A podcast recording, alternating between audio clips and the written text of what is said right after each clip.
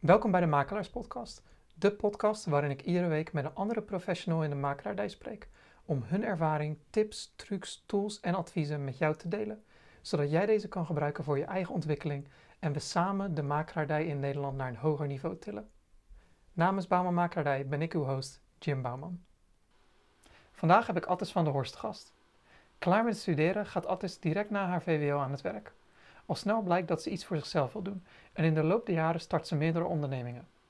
Uiteindelijk besluit ze in 2006, een jaar voor de crisis, aan de slag te gaan in de makelaardij. Niet als een gewone makelaar, maar als een aankoopmakelaar. In 2021, na 15 jaar, is haar bedrijf uitgegroeid tot de aankoopspecialist in Nijmegen en omgeving. Waarom zou je stoppen met een succesvol bedrijf? Waarom sociale media goed kunnen werken en waarom niet? Het vinden van een balans tussen je werk en de zaken waar het echt om gaat in het leven. Hoe verkrijg je goede mond-tot-mond reclame? En wat is een goede dienstverlening? Dit en meer in deze aflevering met Attis van der Horst. Hallo Attis. Hallo, goedemorgen. Goedemorgen, goedemiddag. Um, zoals, elk, zoals elk interview uh, begin ik altijd met de vraag: hoe ben je de makelaardij ingerold? Um, nou ja, ik ben, uh, zoals ze dat noemen, een seriële ondernemer. Dus ik ben mijn hele leven lang al ondernemer geweest, maar um, eigenlijk steeds iets heel anders. En um, ik ben vanuit een, toen ik heel jong was, had ik een bedrijf in de medische hulpmiddelen. En dat heb ik toen verkocht. Toen heb ik, ben ik begonnen in een bedrijf en deden wij bijzonder schilderwerk en, uh, ja, en interieurinrichting. En toen kwam zo'n beetje een crisis in 2002. De internetbubbel die knapte en uh, ja, het ging steeds slechter en slechter. En ik had zoiets van, ja, ik moet wat anders. En toen zat ik op de fiets. Je hebt zo'n Eureka-moment. Ik zat op de fiets om boodschappen te doen op zaterdag. Het was mooi weer en ik dacht, waar ben ik mee bezig? En terwijl ik met die tas achterop zat, dacht ik ineens van, ik ga hiermee stoppen. Dit gaat niks worden. Aan een dood paard kan je niet meer trekken. Dus um, weet je wat, ik ga makelaar worden.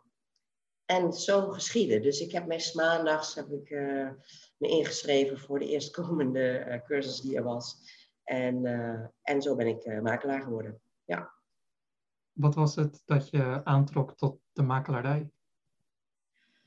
Nou, um, wat ik leuk vind is, uh, nou, wat ik toen dacht, wat ik leuk vond, was, nou ja, huizen. Hè? Ik was natuurlijk met mijn vorige beroep daar al veel mee bezig. En uh, ik dacht van ja, dat, dat, dat ligt mij wel en ik kan goed uh, ruimtes inschatten. En, en dus zal ik me in de makelaardij ook wel, wel bezig kunnen houden. Dus dat was eigenlijk mijn, mijn idee waarom ik erop kwam. Ja. Dus ik had een link met huizen. Ja. En je, je gaf aan dat je vanaf ja, een soort van nature bijna uh, een seriële uh, ondernemer bent. Dat je meerdere ondernemingen ja. hebt gestart. Um, is dat, was dat een soort normaal binnen je gezin? Of hoe, hoe komt het dat je... Nee, absoluut niet. Nee, absoluut niet. Um, nee, absoluut niet. Ik heb het VWO gedaan. En um, ja, klinkt een beetje raar, maar ik was zo klaar met dat studeren. En dus al mijn vrienden gingen naar de Unie en ik dacht, ja, dat ga ik echt niet doen. Dus toen uh, ben ik gaan werken in een restaurant, want zoveel meer dan dat kon je ook niet. En dan ben ik een opleiding gaan doen voor schoonheidsspecialisten. Dat leek me eigenlijk wel de leukste stap die ik me kon bedenken. Ja, dat was natuurlijk echt niks voor mij. Maar um, ik heb wel een tijdje als schoonheidsspecialiste gewerkt. En van daaruit ben ik eigenlijk die medische hulpmiddelenwereld in gerold. Ja, en toen moest ik gewoon ondernemer zijn. Dus toen heb ik, uh, ja, me ingeschreven geschreven in de Kamer van Koophandel. En ja, van het een kwam het ander. Ja. En bleek ik succesvol. Ik weet ook niet precies waarom, maar dat was wel zo. Wat, uh, aangezien je nu meerdere ondernemingen hebt gestart, sommige die goed zijn uitge uitgekomen en sommige niet minder goed. Wat, ja. wat is volgens jou het verschil tussen een onderneming die succesvol kan of zal zijn en een onderneming die naar alle waarschijnlijkheid niet succesvol zal zijn? Um, ik denk wel dat je um, ten eerste moet je een beetje idealistisch zijn om überhaupt een ondernemer te worden. Hè? Dus um, ja, mensen die overal beren op de weg zien, die zullen niet zo snel ondernemer worden. Dus je moet een beetje ergens instappen en gaan. Denk ook dat je moet ehm, ontwikkelen. Hè? Je hebt een bepaald beeld voor ogen, daar wil ik naartoe. Dat moet je deels vasthouden, maar je moet ook een beetje go with the flow. Dat hoort ook een beetje bij. En ehm, wat je ook moet hebben, vind ik, is de drive, de, de, de wil, uh, de overgave om, om iets te doen. En um, als je die, die drive en overgave kwijt bent, dan, dan, dan vind ik het, ja, dan houdt het voor mij op. En dat is met succesvolle ondernemingen, ben ik er ook mee gestopt. Want ik ben niet gestopt omdat het slecht ging, maar ik ben ook gestopt omdat het veel te goed ging. En ik er helemaal klaar mee was. Dus ja, toen had ik zo'n beetje alle kanten van, uh, van het vak destijds wel gezien.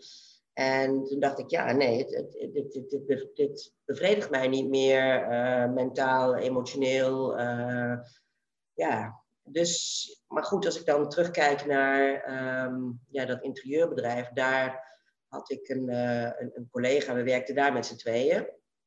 En zij was vooral heel erg gericht op, op het creëren en haalde daar heel veel voldoening uit.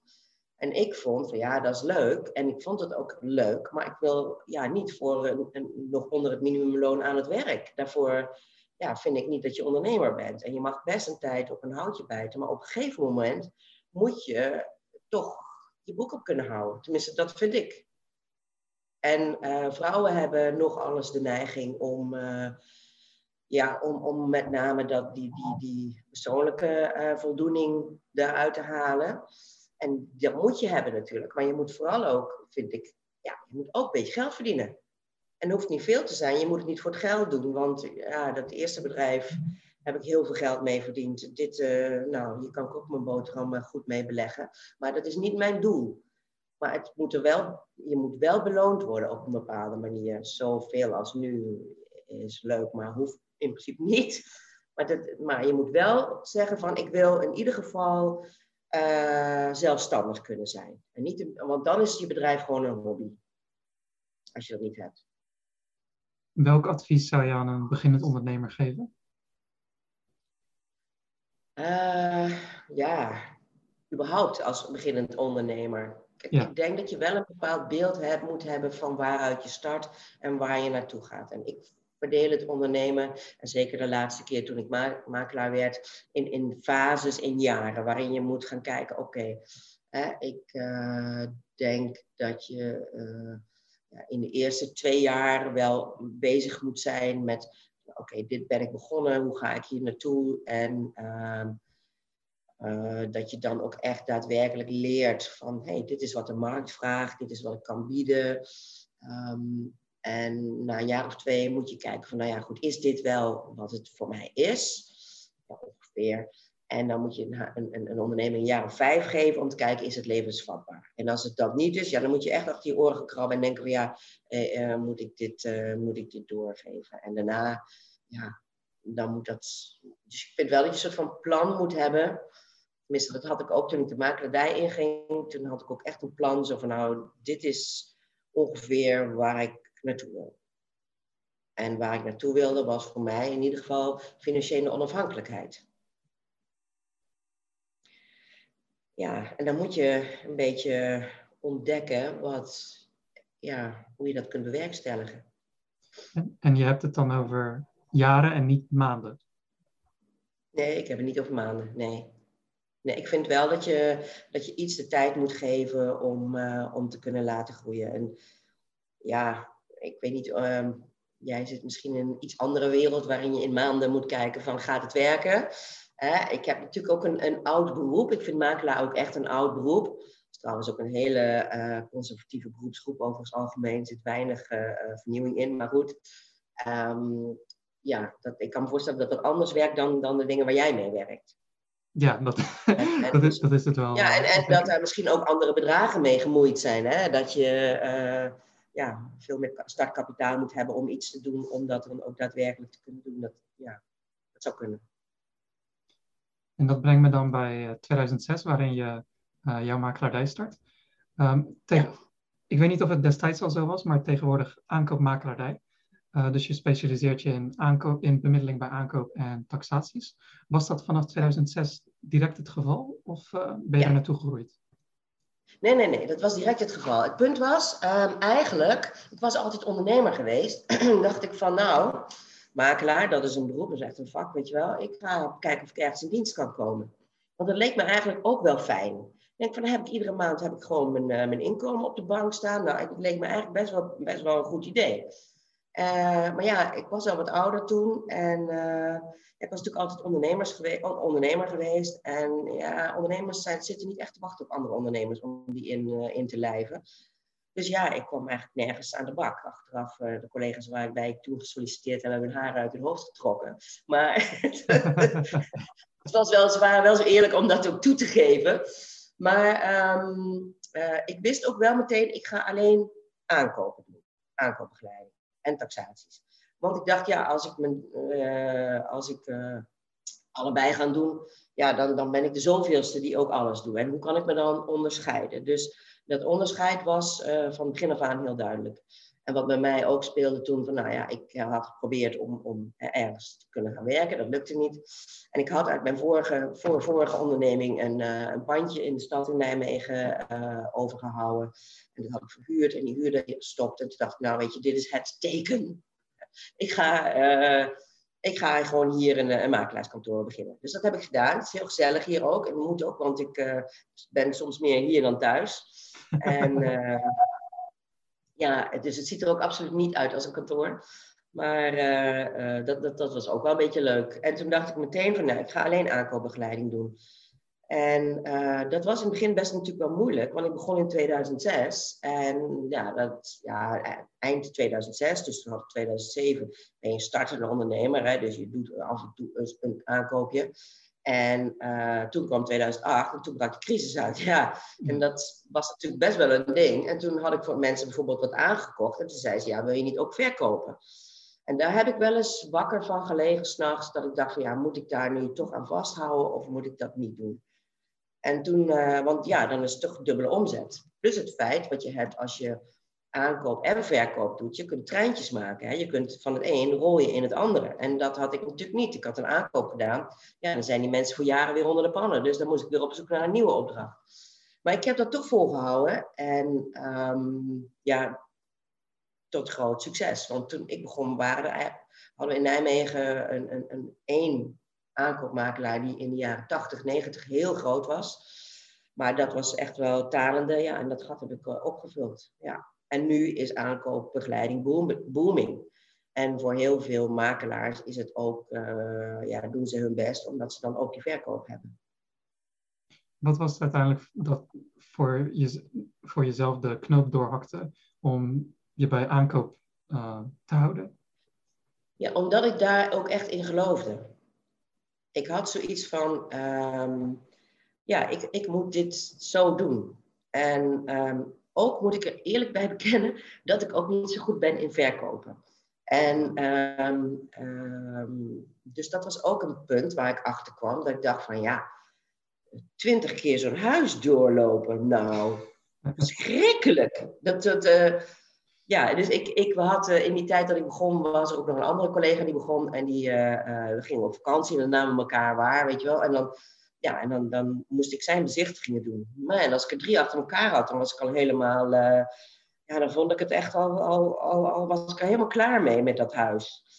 Dus ik merkte ook dat ik uh, op een totaal andere manier naar een huis kijk. En um, ja, een, een verkopende makelaar is ook heel erg verbindend. Met, hè, probeert zijn klanten leuk rond te leiden, een leuk gesprek te hebben. Ja, dat kan ik heel goed. Maar, maar niet, niet zes, zeven keer op een dag achter elkaar. En dat, ja, dat hebben, zij, hadden zij, hebben zij wel natuurlijk. En ik, dus ik, vind, ik heb een diep respect voor uh, verkopende makelaars. Ja, als je een goede hebt die het goed doet, ja, dat pet je af. Ja. Ik merk dat een van de kernwaarden die een beetje boven komt drijven als, uh, als ondernemer is, ken jezelf goed. Ja. En, en wat jouw motivatie of, je, of hetgeen is wat jou uh, ja, blijft motiveren en stimuleren om, om door te zetten. Ja, klopt. Ja. En terugkomend op, uh, op je makelaarij toen je begon, hoe heb je die eerste klant weten binnen te krijgen? Nou, ik zal je vertellen, ik heb een, echt een heel mooi pandje. Ehm, ik zal je zo even laten zien. Maar dat, ehm, ik heb gewoon de deur opgezet. En dacht, nou ja, dan zie ik wel. Maar er kwam natuurlijk niemand. dus ehm, ik ben vooral toen begonnen met taxeren. En de eerste klanten kreeg ik via vrienden. Die wisten dat ik, uh, dat ik aankoopmakelaar was. Dus ja, zo kwam het een beetje. En ik uh, ja, zette wat advertenties. En ik deed uh, ja, ja, ja, dat soort dingen. En dus eigenlijk kwam een beetje van het een het ander. Ja. En nou, nu ben je inmiddels ja, 15 jaar. Heb je, heb, heb je je jubileum al met, gehad, gevierd? Nee, heb ik eigenlijk niet gedaan. Oké, okay, nou, alvast. nou, ik heb 12,5 jaar, nou, is niet waar, ik heb 12,5 jaar jubileum heb ik, uh, okay. uh, gevierd, maar dat heb ik gebruikt als een marketing uh, tool. Dus ja, en dat weer. ja. Fijn, gefeliciteerd met 15 jaar. Um, ja. Inmiddels ben je dus een stuk verder met, met de makelaarij. Hoe, of met, met, uh, met het bedrijf. Hoe ja. krijg je tegenwoordig je klanten? Ja. Um, nou, ik um, zelf ben, um, en, en, inderdaad, je hebt wel gelijk, je moet vooral jezelf goed kennen om te weten hè, waar jouw kracht ligt en waar je niet je kracht zit. Ik kan me herinneren, uh, een hele goede les. Ik, ik ging uh, voorheen bijvoorbeeld ook altijd naar ondernemerscongressen. En uh, dat vond ik leuk. En um, ik ben ook in veel uh, lid geweest van netwerken. En uh, ook van zo'n heel Amerikaans netwerk, BNI. Ik weet niet of je het kent. Ja. In Japan heb je dat ook. Je hebt het over de hele wereld. En daar leer je echt netwerken en jezelf presenteren. En, dus ik, dat netwerk heb ik ook veel van geleerd. En ja, je moet natuurlijk zorgen dat je bekend wordt. En, en dus dat, dat heb ik zeker gedaan. Um, even kijken, wat, wat, wat mijn kracht is, is toch wel dat ik, dat ik mensen persoonlijk kan binden. En uh, wat ik toen op dat congres tegenkwam, waren twee hele belangrijke dingen, of tenminste in de loop der jaren. Eerste was dat iemand zei van, uh, oh, nou, die, die had een, uh, een voorbeeld, zei van, nou, als jouw kind naar school gaat en komt thuis met een rapport en die heeft twee negens en een acht en een vijf. Wat ga je dan zeggen? Dan zeg je gewoon een mooi rapport, zeg maar. Ja, ja die vijf, die vijf, die moet je, daar moet je eigenlijk nog wel wat aan doen. En bij ondernemerschap moet je dat niet doen. Die vijf moet je skippen en je moet van die acht ook een negen maken en van die negen moet je een tien maken. Je moet ontwikkelen waar je goed in bent. Dat vond ik een hele wijze les. Want ik ben bijvoorbeeld, uh, nou ja, niet zo consequent. Uh, dus ik heb een assistent genomen en die houdt mij bij de les. en um, uh, dus, dus dat soort dingen zijn belangrijk. En een ander belangrijk, heel belangrijk ding was dat um, ze zeiden van, uh, um, Annemarie van Gaal gaf een, gaf een lezing. En uh, die heeft een boekje uitgegeven, 365 uh, vragen en antwoorden voor uh, ondernemers. Ik vond het een heel leuk boekje. En bij dat congres had ze een soort rad van fortuin. En dan kon je dan aan draaien en dan die vragen werd, bekeken en beantwoord. En daar was één, één ding wat ze zei van... Um, denk eraan, als je heel veel netwerkt... Um, jouw netwerk is, zijn niet jouw vrienden. En uh, je kunt heel veel netwerken, overal zijn. En vaak ben je geneigd om bij zo'nzelfde clubje te gaan staan, want dat is gezellig. En uh, dat is overigens voor netwerken helemaal niet goed, want je moet steeds op zoek naar anderen. Hè? Dus dat, maar goed, het is altijd veilig om bij dezelfde mensen te staan. En zij vertelde dat ze uh, in Rusland had gezeten en zij heeft daar dat bedrijf, met, die, met die bladen opgezet, hè, samen met Dirk Sauer. En, dus nou, en nou, we waren ook allemaal feestjes en alles was allemaal leuk en gezellig. En toen ging dat blad failliet, of zij ging failliet. En, ze, en toen kende niemand mij meer. En ze, terwijl dat mensen waren waar ik dagelijks mee omging, die zag ik drie keer, vier keer per week. En mijn vrienden zag ik eigenlijk niet, want ik was altijd maar bezig met werken. Dus een belangrijke les is ook van, jouw netwerk zijn niet jouw vrienden. Op het moment dat jij stopt daarmee, ben je eigenlijk op één, twee na, ga je die nog zien. Dus zorg voor je vrienden. En dat is als ondernemer best wel heel lastig, omdat je uh, zoveel tijd besteedt aan je werk. En je werk, dat is ook, komt zo vanuit jezelf, dat je daardoor ook geneigd bent om te denken, ja, ik heb het even druk. Of ik, uh, in het weekend, uh, ja, weet je, ik doe toch nog even dat en dat. En dat mag, maar zorg ervoor dat je je vrienden behoudt. Want ja, soms kom je met lege handen te staan en dat is, dat is gevaarlijk. Was dat dan een moment waarop je ook uh, veranderingen in je eigen leven doorvoerde? Ja, dat speelde er zeker mee. Ja, dat ik dacht van ja, ik, ik kan wel werken, werken, werken. Maar uh, ja, het leven uh, heeft ook een andere kant. En als ondernemer, en zeker als het goed gaat, is het hartstikke leuk om te werken. Als het, als het beter wordt en beter wordt, ben je echt geneigd om je daarin te verliezen. En om daar alles voor te doen. Het is ook een beetje ja, het, bevestigt je zo goed hè, en je, je voelt je daar zo, zo fijn, dat je je beter voelt dan de rest, maar je, je wordt ja, continu, uh, ja, krijg je het gevoel van ik doe het goed. En dat is ook zo, maar die andere kant nou, moet je niet vergeten. En het punt wat je zei van een 8 en 9 maken en van een 9 en 10, of je sterke punten uh, scherper of beter maken. Um, mm. Hoe heb je dat binnen je bedrijf toegepast? Of voor jezelf toegepast? Nou, um, dit, dit, verhaal ga jij als uh, um, internetmarketeer niet zo leuk vinden, denk ik. maar um, ik heb dat natuurlijk geprobeerd. Twitter, Facebook, columns schrijven, uh, nou ja. Maar ik heb uh, ontdekt dat mijn bedrijf ben ik. En ehm, dat doe ik op een bepaalde manier. Ik heb natuurlijk een, een uh, ja, ik, ik, ben, natuurlijk hoor je bij je, heb je een persoonlijkheid.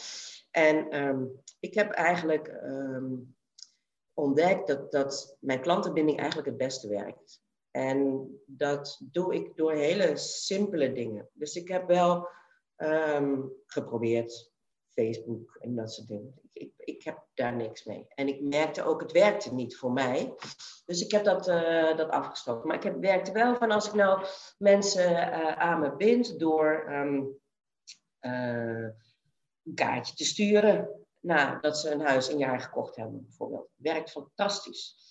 Um, als ze een huis gekocht hebben, na een maand of vier mailtjes sturen en zeggen: Goh, hoe is het met je? Heb je alle eh, met de verbouwing? Heb je alle dozen al uitgepakt? Dus die, die persoonlijke communicatie, die, daar, dat is echt mijn kracht. En dat heb ik ja, uitgebouwd ook in een bepaald systeem. En dat doet meer voor mij dan, uh, ja, dan, dan uh, continu twitteren of een blog schrijven enzovoort. Krijg je tegenwoordig je klanten uh, vanuit je naamsbekendheid of worden ze uh, van mond-tot-mond reclame? Hoe, hoe allebei. Oké. Ja, allebei. Ja. ja.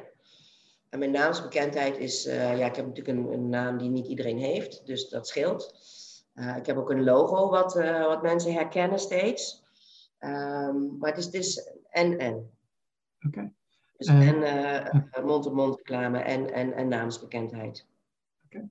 En um, je hoeft niet in details te treden, maar zie je een, uh, een groei binnen je bedrijf qua uh, men, mensen die naar je vragen of, of, je, of je voor hen de aankoop kan regelen? Want naamsbekendheid is natuurlijk iets wat je, wat je met de tijd opbouwt. Dus ik zou ervan uitgaan dat de mensen die jou, van jouw diensten gebruik willen maken, dat die ook um, soort meegroeien. Je bedoelt dat mijn, dat mijn uh, hoeveelheid aankopen groeit? Ja. Ja, zeker. ja. Oké. En uh, je, je, meld, je, je, noemde zojuist al je logo. En dat was ook hetgeen uh, wat mij opviel toen ik naar je website keek. Dat je een heel ja, bijzonder en uh, memorabel logo hebt. Sta, ja. is, zit daar een bepaalde betekenis achter? Ja, het zijn slakkenhuisjes. Dus ja, dat had met huisjes te maken. En ook daarin, toen ik begon, ik had echt duidelijk van, ik wil anders zijn dan de rest. Dus ook, natuurlijk, alle makelaars hebben een huisje of een dingetje. En ik denk, ja, nee, dat ga ik niet doen.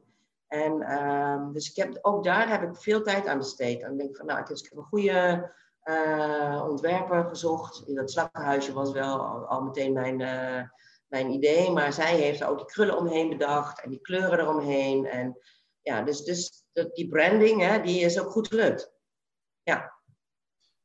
En met je, ook met je website, ik vind hem er heel gelikt uitzien. Uh, ja. persoonlijk. Um, ik, ik merkte ook met uh, de tabbladen die je hebt, uh, home, wie zijn wij, wat doen wij, waarom, wat kost het, informatie. er zit zelfs in een soort de, de tabbladen die je hebt, een hele natuurlijke overgang, waarbij elke klant, of naar mijn mening, elke klant die naar de website komt, die gaat als een soort, een, als het ware een reis door. En alle vragen zijn heel duidelijk en worden allemaal beantwoord. Uh, was dat ook een bewuste keuze of is dat toevallig zo? Uh, uh, nee, dat was een bewuste keuze. Want um, ik heb nog wel een discussie gehad met uh, degene die hem gebouwd heeft, want die wou andere dingen. Maar ik denk, nee, zo, zo, moet, je het, zo, zo moet je het doen. Ja. Oké. En wat ik op, op Funda zag, was dat je afgelopen, of volgens Funda, de afgelopen twaalf maanden uh, moet ik het goed zeggen, zo'n 132 uh, woningen, dat je daarbij betrokken bent geweest met de aankoop. Hoeveel? 132 staat erop, stond er gisteren op Funda, uh, waarvan 90 uh, in Nijmegen. En ja. ja. ik heb natuurlijk heel veel makelaars door het hele land ge, bekeken en gezocht. En die aantallen voor ja, kantoor van, van jouw formaat zijn erg hoog. Dus ik, ik vroeg me af hoe, hoe valt dat te behappen? hoe bewerkstellig je dat om zoveel tegelijkertijd aan te kunnen? Nou, kijk, in werkelijkheid zijn het er meer, want niet iedereen uh, meldt die woningen af op, uh, op hun. Okay. En, dus als ik heel eerlijk ben, is, is, zijn het er ook meer. Nee, ja, um, dat is niet te behappen in mijn eentje. Dat deed ik wel. Dus ik heb een, een mijn partner, ik heb nu een partner aangenomen, of aangenomen. Zij komt bij mij in het bedrijf, Judith Cornelissen. En uh, dus we gaan het samen doen. Mede ook omdat ik uh, dacht van ja, ik heb nou zo hard gewerkt. Um, het wordt tijd voor uh, wat, wat meer me-time en tijd voor mijn vrienden dus. Ja. ja. Dus ja, hoe ik het gedaan heb, weet ik niet. ik heb heel hard gewerkt. Hoe, hoe, ja, ik weet niet of je een normale dag of een normale week hebt, maar hoe ziet een, hoe ziet een gemiddelde week een beetje eruit voor je dan? Nou, um, voor mij, um, ik heb het nu een stuk rustig omdat we met z'n tweeën zijn, hè, dus dat is, dat is al een, dat, en ik heb zelfs een dag vrij op woensdag. Ja, niet omdat ze met zwangerschap is, maar ik een dag vrij. Dat vind ik ook al heel bijzonder. Ik heb wel uh, de laatste jaren de policy gehad, in het weekend werk ik niet. Okay. Um, omdat uh, ik merkte bij zo hard werken heb ik ook gewoon rust nodig. En dat vind ik ook. Um, ondernemers hebben nogal de neiging om ook het weekend door te gaan. Oh, even nog dit, oh, even nog dat. En omdat je het zo leuk vindt en omdat je uh, denkt van ja, ik wil het eigenlijk nog even af hebben. Eén groot ding bij ondernemerschap, het is nooit af. Je kunt altijd werken als je dat wil. En dat is ook een valkuil waar je, ja, waar je snel in belandt op een gegeven moment dat je toch uh, moet accepteren dat, dat je ja, sommige dingen dan maar even moet laten. Dus je moet goed leren prioriteiten te stellen. En je moet ook bij tijd rust inzetten. En um, dus ik heb op een gegeven moment de policy gehad, ik ga niet meer in het weekend werken. Ik wil gewoon, uh, ben wel een paar avonden in de week. Mensen die werken overdag. En uh, dan vind ik het niet, niet, niet, geen probleem om s'avonds uh, wat afspraken te hebben. Dus ik had twee tot drie avonden dat ik dan uh, afspraken had of nog wat doorwerkte. Ja, dus zo probeerde ik het uh, te, te, doen. Ik ben niet zo heel goed ochtends. Dus um, ik begin om uh, ja, rond een uur of negen. En, um, ja, en dan werk ik door. Tussendoor eet ik wat en dan soms tot een uur of tien of zo. Ja. Maar in het weekend ben ik, ja, dan heb ik ook ongelooflijk schurft aan, als ik dat zo mag zeggen, om, uh, om een bezichtiging te doen op, uh, op zaterdag of zo. Ja. En wat ik merk bij mijn moeder en ook bij andere makelaars, uh, zo, zoals ik eerder zei, mijn moeder die, die doet, dat is een eenmanszaak, dus die doet alles alleen. Maar ook andere makelaars die hebben, die hebben dan vaak assistenten in dienst om het papierwerk en de communicatie met klanten te regelen. Heb jij ook ja. iemand in dienst of iemand die je daarbij helpt? Ja. Of doe je alles zelf? Ja, ja. Ik heb een assistente die werkt drie dagen in de week en die doet met name dat, dat waar ik niet goed in ben. En uh, dus ja, dat is de truc. Ja. ja. En hoe neem je tegenwoordig contact op met, met de klanten? Gaat het voornamelijk via e-mail of gebruik je WhatsApp of bel je voortdurend? Alles, ja. ja. Dus uh, e-mail, WhatsApp, um, bellen. Ik vind bellen nog altijd wel fijn, omdat ik dan ja, nog een iets persoonlijker contact heb. Maar e-mail is, of uh, WhatsApp is ook fijn dat je kunt zeggen, nou, ik, bel je morgen of zus of zo. Of ja, dat, dat, is, dat zijn fijne berichtjes. Maar ik, ja, ik, uh, ik merk wel, eh, jongere mensen die hebben neiging om enorme lappen teksten in, met heel veel vragen in die e-mails te zetten. En dan word ik altijd een beetje, denk oh ja, oh, ik ga toch maar even bellen. En als je ze belt, krijg je ze niet aan de telefoon. Dus um, dat is echt best wel lastig. Voordat ik zo'n WhatsApp dan heb beantwoord, ja, dat, dat, dat vind ik ingewikkeld. Dus misschien is dat ook mijn leeftijd, dat ik daar, uh, ja, ja, dat, dat ik daar niet zo goed in pas. Dat zou kunnen. Ik, kan me wel enigszins vinden in, uh, in de verhalen die, die je vertelt over jongeren. Over jongeren. Um, merk je daar een verschil in met, ten opzichte van bijvoorbeeld jongeren 15 à 15 jaar geleden, toen je, toen je net begon was met je kantoor? Ja. Um, Ehm, wat, ik, wat ik merk is, um, dat, dat is wel leuk om te zien, is dat jongeren van nu, die zijn veel meer verbonden met hun ouders bijvoorbeeld. En dus, dus als, en, en niet eens jongeren alleen, maar gewoon eh, mensen die, die uh, al uh, achter in de dertig zijn en een kindje hebben, die gaan naar huis komen, die nemen dan paps en mams mee. Mm. En dat zou je vroeger niet, niet, niet gezien hebben. Maar dat is wel zo. En dat is ook een verandering in de maatschappij, waarin uh, dingen veel meer uh, gezamenlijk zijn. En in het begin dacht ik van, huh? Maar nu denk ik, oh nou gezellig, papa en mam erbij. Ze zijn net zo oud als ik meestal, dus dat is dan ook wel gezellig. Maar um, ja, dat, dat is ook een verandering die je, die je uh, ziet gebeuren. En voor hun is het heel belangrijk, de, de, de mening van hun ouders. En um, ja, ik, dat, die hebben vaak een andere mening dan die kinderen. Dus, want die willen dan graag uh, het allerbeste. Uh, dus dus de, ook dat vraagt een, soms een andere benadering dan, zeg, 15 jaar geleden. Misschien dat jouw moeder dat onderschrijft, dat weet ik niet. Ja, dat, zou ik, dat aan haar moeten vragen eigenlijk. Um, wat, ik ook, wat ik ook merkte op je website bij uh, um, je diensten, is dat je een soort space, in ieder geval de manier waarop je het omschrijft, uh, specifiek voor jongeren of starters. Um, er is ook een specifiek kopje voor uh, ja, ouderen, omdat die mm. andere, hoe zeg je dat in het Nederlands, niet needs hebben. Ja, behoefte. Behoefte, dankjewel, dankjewel. Ja. Ik ben te lang buiten Nederland al. Um, ja, omdat, wat, omdat ze verschillende behoeften hebben. Hoe zorg je ervoor dat je zelf nog altijd die binding kan kan maken met starters. En dat zij zich gehoord voelen, maar dat je ook hen, aan, hun behoeften, aan hun behoeften kan voldoen. En tegelijkertijd ook met ouderen. Nou ja, kijk, ik heb twee jonge zonen en uh, ik weet wat ze doen. Um, ik heb ze ook graag in huis. En uh, mijn partner heeft weer uh, iets jongere kinderen. Ik vind het leuk, dus ik hou die connectie heel goed. Um, uh, ik kom uh, mijn klanten ook vaak tegen op festivals en dat soort dingen. Dus het is niet zo moeilijk om met hun contact te hebben. Ja, en ik ben natuurlijk, ik, ik ben wel zo'n middengeneratie, dus dat scheelt misschien. Dat, uh, en het gaat er ook om, heb je vakkennis? Heb je marktkennis, heb je vakkennis? En dan zal je het altijd bij wie dan ook goed doen. Mijn collega, die is een stuk jonger, die is begin 30, maar die kan gewoon laten zien, kijk, ik weet dat en dan dat. En dus uh, dan die en mensen die een aankoopmakelaar nemen hè, of, of daar uh, mee willen werken, uh, die, zijn natuurlijk, die willen natuurlijk ook zekerheid en die willen duidelijkheid. En als je dat kunt geven, denk niet dat je maar je, je leeftijd ertoe doet. En dus... je, gaf, je gaf aan dat de jongeren tegenwoordig hele lappen tekst sturen.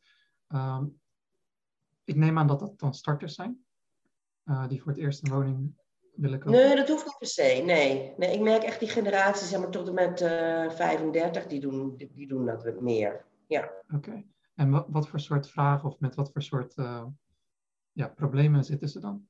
Dat ze zo lang nou ja, het is, Nee, dit zijn vaak vak vakinhoudelijke dingen. Weet je? dan, dan uh, hebben ze een druk leven en dan, dan hebben ze de koopakte gekregen en dan allemaal die vragen zien ze erin staan. En dan denk ja, en, en vervolgens gaan ze door naar hun, hun volgende opdracht. En ja, dus dat is wat je, wat je wel ziet. En die kan ik gewoon natuurlijk beantwoorden. Precies. Uh, je gaf eerder in het interview aan dat aankoopmaker of bemiddeling bij aankoop dat dat redelijk booming is en dat er in Nijmegen meerdere zijn die, die zich daar nu een soort op richten of mm -hmm. daarin specialiseren. In wat ik merk in Vlaardingen, of ja, laat ik zeggen regio Rijnmond, mhm. zijn, er, worden wel, er wordt wel meer aankoopbemiddeling gedaan, maar ik zou het niet direct booming noemen.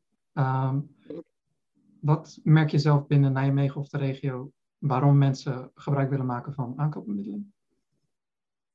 Um, nou, ik weet, kijk, ik denk dat aankoop uh, in Nijmegen, ik weet niet of het echt booming is. Je ziet wel steeds meer makelaars, die, verkopende makelaars, die zich ook op aankoop gaan richten. Ja, puur en alleen omdat de markt in de verkoop lastiger wordt. En ze denken van, nou, hè, als ik dan die aankoop doe, dan kan ik die verkoop erbij doen. Um, plus het feit dat daar natuurlijk een hele markt ligt die, uh, ja, die, die ze nog niet ontdekt hadden of waar ze nog niet naar gekeken hadden. Mensen die een aankoopmakelaar willen, zijn mensen die um, nou, al langere tijd aan het zoek zijn en, en het, het, het uh, ja, nog niet gevonden hebben, meerdere keren geboden hebben en, en, uh, ja, en die op zoek zijn naar meer zekerheid. Um, en ja, die, dat zijn er wel steeds meer. Maar ja, ik weet ook niet ik heb ook zelf vroeger altijd mijn huizen gekocht met een aankoopmakelaar. Ook in de tijd dat het uh, nog minder, duid minder uh, duidelijk was. Omdat ik denk van ja, ik heb er geen stand van. Dus ja, ik heb iemand nodig die mij vertelt van zo, zo zit het in elkaar. En dan kan ik besluit nemen of ik het wil doen of nee. En die, ja, die markt die staat zo onder druk, hè, die, woningmarkt. Mensen worden, ja, ze weten het gewoon niet meer. Dus dat is de reden waarom ze steeds meer naar een, naar een aankoopmakelaar willen. Ja. Nee, dat is, uh, dat is helemaal helder. Wat met, met je makelaarij altijd wat zijn, waar probeer je nu naartoe te werken? Wat is een soort, ja, de doelstellingen of, nou, ik zou, ik zou niet zeggen doelstellingen, maar wat is hetgeen wat je ambieert met je, nu. met je makelaarij? Ja. Nou, um, wij zijn nu wel echt ook bezig om, om de processen wat meer te, te uh, structureren. Um, en ja, het bedrijf wat, wat, wat zover uit te bouwen dat het voor mij wat makkelijker wordt. Ja, dat, dat is eigenlijk wel mijn ambitie op dit moment. Dat um, iedereen met plezier naar zijn werk gaat en uh, ja, dat dit geconsolideerd wordt. Zijn er nog specifieke processen waar je verbetering in probeert te, te krijgen? Ja, wij zijn nu bezig om dat makelaarssysteem uh, Realworks helemaal in te richten enzovoort. En uh, daar waren dingen waar ik nooit tijd voor had. Ik was alleen maar uh, heel hard aan het werk. En nu hebben we dat wel en dat maakt het werken makkelijker. ik heb voor het eerst sinds drie maanden een digitale agenda, dus dan weet je het wel. Probeer je Realworks te integreren voor binnen het team of is, of is het ook een integratie voor de klanten? zodat zij informatie kunnen? Nee, nee, wij werken niet met, uh, met dat programma wat erin zit, uh, Move, omdat dat eigenlijk, en dat merk je wel, de hele makelaardij is gericht op verkopen. En het aankopen, dat hangt er een beetje bij. Dus dat hele programma Move, ja, dat, dat, dat, dat voegt voor ons eigenlijk niks toe. Dus dat gebruiken we niet. Nee. Um, ja, we beginnen langzaamaan uh, tegen het einde van, de, van het interview te lopen. Um, ik heb nog een paar slotvragen. Mm um, voor een beginnende makelaar, laten we zeggen iemand die, die nu als makelaar wil beginnen, wat voor advies heb je voor hem of haar? Kijk, ik denk dat je uh, als makelaar moet je, moet je vooral mensen heel leuk vinden. Um, dat, dat is vooral zo. Kijk, en wat ik zei in het begin, hè, zo van, nou, toen ik begon met makelaardij, dacht ik van nou leuk al die huisjes dat, dat, dat, dat, dat kan ik alles kijken en dan zien hoe ze het ingericht hebben en zo. En van, dat leek me nou fantastisch. Maar ja, daar was, kwam ik snel van terug. Want eerlijk gezegd is ieder huis hetzelfde. ze hebben allemaal een woonkamer en een keuken en uh, een bijkeuken eventueel. En dan hebben de trap naar boven. En dan hebben ze drie slaapkamers en een badkamer. En dan hebben ze een zolder. Nou, zo zijn er 90% van de huizen. Met een hier en daar een variatie. Maar wat ik wel um, heel erg leuk vind van makelaar zijn, is dat je komt in iemands huis. En dat is een heel persoonlijk iets. Dus ah, ik zeg altijd wel, show me your house and I'll tell you who you are. Dus ehm, dat is het leuke. En ik denk dat als je makelaar wil worden, dat vooral met name uh, het leuk is om, om de technische kant van, het, van, een, uh, van een huis te vertellen. Dat vinden kopers ook vaak heel leuk om te doen, om te horen dat je er positief over bent, maar dat je ook de negatieve dingen benoemt. En dat je je richt heel erg op de koper zelf. Dus je moet, je moet een beetje uh, ja, je moet feeling hebben met, met je klanten. Of met, met je bezichtigers, laat ik het zo zeggen. En hoe beter je dat doet, uh, hoe beter ze zich zullen, je zullen herinneren. Want ik weet, als mijn klanten hier komen, precies bij wie ze geweest zijn. Hè? Uh, bij welke verkopende makelaar. Dus dat is belangrijk. Je goed, dat je je sociale kant goed laat zien. Dat vinden kopers fijn. En zeker in deze tijd kan je je daar goed mee onderscheiden. Um, verder uh, wil je je bedrijf ontwikkelen. Dit is gewoon als, als makelaar, hè, hoe je werkt. Ja. Um, verder uh, wil je je bedrijf ontwikkelen, dan zou ik zeggen, ga veel netwerken. Laat veel je naam zien. Um, natuurlijk is dat vaak business to business, maar alle uh, collega's, uh, ondernemers hebben natuurlijk ook vrienden die, uh, die huizen willen kopen. Dus die zeggen, oh, ik heb iemand gesproken en dat klopt zo goed, enzovoort. Um, dus netwerken is belangrijk. Um, ja, en als je klanten hebt, leg ze in de water. Hè? zorg dat je snel dingen doet. Maar baken ook je, je grenzen. Hè? Dus zorg niet dat je op, op zaterdagavond uh, tijdens de Netflix-serie ook nog aan het appen bent met uh, een klant die wat van je wil. Mensen, als je dat van tevoren zegt, zeg luister, vind ik prima, maar in het weekend uh, probeer ik rust te houden. Dat vind, begrijpt iedereen. Alleen wij durven tegenwoordig in die 24 uur economie durven dat bijna niet meer. En ik zeg ook wel eens van, nou, je mag me echt bellen s'avonds. Als ik er ben, neem ik op. Maar uh, ja, als ik een vriendin op koffie heb, uh, dan neem ik niet op. Ik denk ook je klant in de watten leggen, wat ik vertelde al eerder, dat, is een, uh, ja, dat, dat, dat werkt ook heel goed. En dat zijn de sterkste kantoren. Die worden gewoon vanuit, vanuit jou en vanuit jouw visie, want dat kan je natuurlijk je, je medewerkers ook vertellen, dat, je, dat je dit moet doen. Dus dat is ik weet niet of dat een goed advies is. Duidelijk. Ja, het zijn aardig wat uh, punten, of meerdere punten qua advies. Dankjewel. Attis, is er nog iets wat je wilt delen met de luisteraars? Ja, er is een, een, een ding wat ik, uh, wat ik in de loop der jaren heb geleerd en waar ik denk dat je, uh, dat je veel aan hebt. Um, je wil natuurlijk je werk zo goed mogelijk doen, maar mensen maken fouten. En uh, een van de dingen die ik heb geleerd is dat ik als ik een fout maak, dat ik die niet ga afschuiven. Dus dat ik dan ook ruiterlijk erken dat ik het niet goed gedaan heb. Dus dat is één ding. En dat je probeert de klant um, serieus te nemen. En soms heb je wel eens dat er een huis gekocht is en uh, dat er een lekkage is of een, een, een, probleem wat ze niet gezien hebben. Het eerste wat je moet doen is er naartoe gaan. Ga naar die klant. Ga meteen kijken wat er aan de hand is, diezelfde dag nog. Want als jij zegt, ja, je probeert het telefonisch uit te leggen en af te handelen, dat werkt niet. Je moet er naartoe gaan en kijken, oh wat erg, oh, oh. En, en neem die klant serieus. En wees ruimhartig in het oplossen van problemen. Want als je dat doet, dat is een van je beste uh, reclame manieren. Het klinkt stom, maar als, als je ruiterlijk zegt, dit, dit heb ik niet goed gedaan, of dit kan ik op die manier van je oplossen.